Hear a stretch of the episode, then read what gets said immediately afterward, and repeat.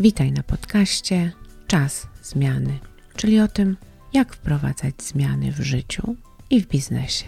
Zapraszam Cię również na moją stronę Magda Meyer EU.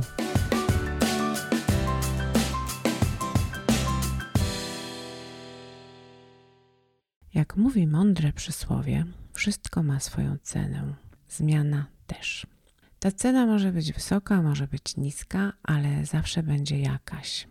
I pytanie, które warto sobie zadać, zanim się jakąś zmianę wprowadza, jest takie, czy jesteś gotów tę cenę zapłacić. A dokładnie dwie ceny, bo wszystko ma dwie ceny. Jedna cena zmiany to cena jej wprowadzenia. Poświęcony przez Ciebie czas, poświęcone przez Ciebie pieniądze, niezbędne do tego, żeby zmiana nastąpiła. Czegokolwiek to dotyczy. A druga cena to cena przyzwyczajenia się do skutków zmiany, kiedy ona już nastąpi.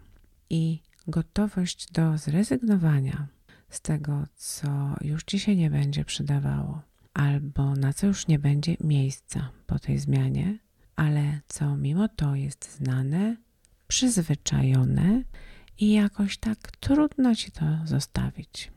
Pomyśl o tym. Każda zmiana ma dwie ceny, nie jedną. I jeśli chcesz wprowadzić jakieś zmiany, jakiekolwiek, to zastanów się już na samym starcie, czy jesteś gotów zapłacić obie te ceny. One mogą być bardzo różne, mogą być nieistotne. Może być tak, że będziesz zachwycona płacąc tę cenę. Czasem się za coś płaci z przyjemnością, ale potrzebujesz to wiedzieć. Potrzebujesz to wiedzieć, żeby zmiana przyniosła ci satysfakcję, a nie rozczarowanie. Pierwsza cena to cena wprowadzenia zmiany. I o niej się mówi bardzo często. Zmiana się sama nie zrobi. No się nie zrobi. Nawet jak liczysz na przysłowiowy cud, to mimo wszystko te parę modlitw musisz załatwić. Jest to coś, co potrzebujesz zrobić, żeby zmiana się zadziała.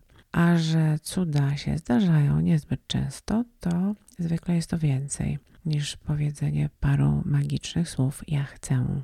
Chodzisz, załatwiasz, planujesz, wdrażasz, działasz, zmieniasz swoje nawyki, robisz coś więcej, co robiłaś do tej pory. To jest cena, wkład, jaki potrzebujesz ponieść, żeby zmianę wprowadzić. I o tym mówi się bardzo często. Tyle, że na tym zmiana się nie kończy.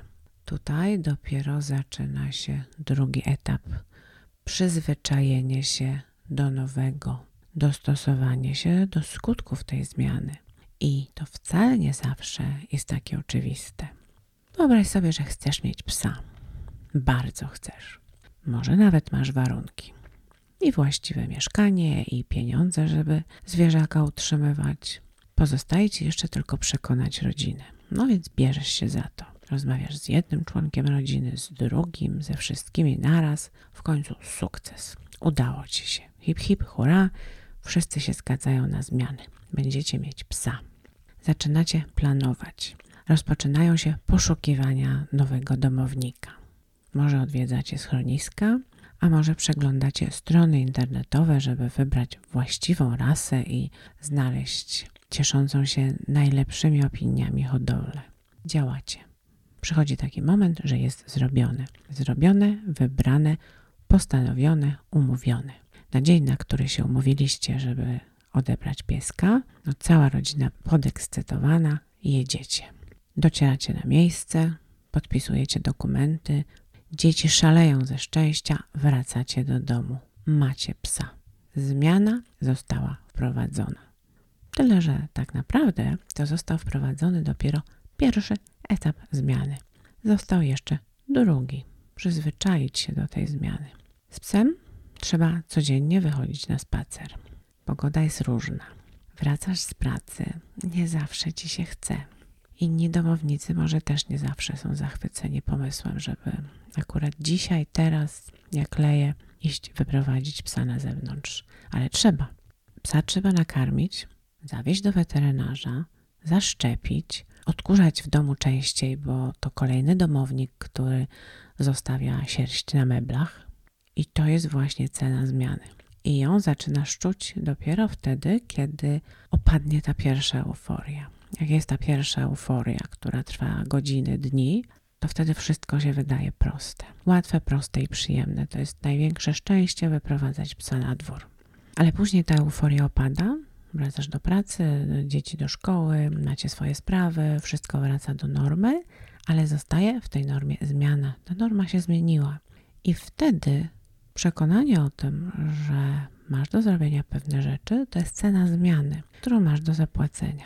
Może nie lubimy słowa cena, bo to powinno być tak cudownie, fajnie i fantastycznie i się zmieniło i jest super, ale ta cena jest. I podejmując decyzję o zmianie, trzeba mieć jej świadomość. Ale załóżmy wersję optymistyczną.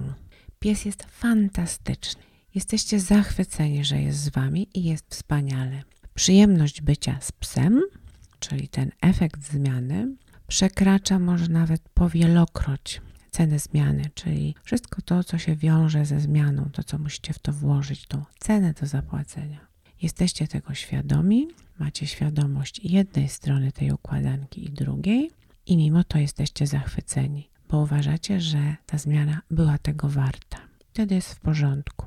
Problem się zaczyna, kiedy ktoś nie wziął pod uwagę tej drugiej ceny. Ceny, która będzie do zapłacenia po zmianie.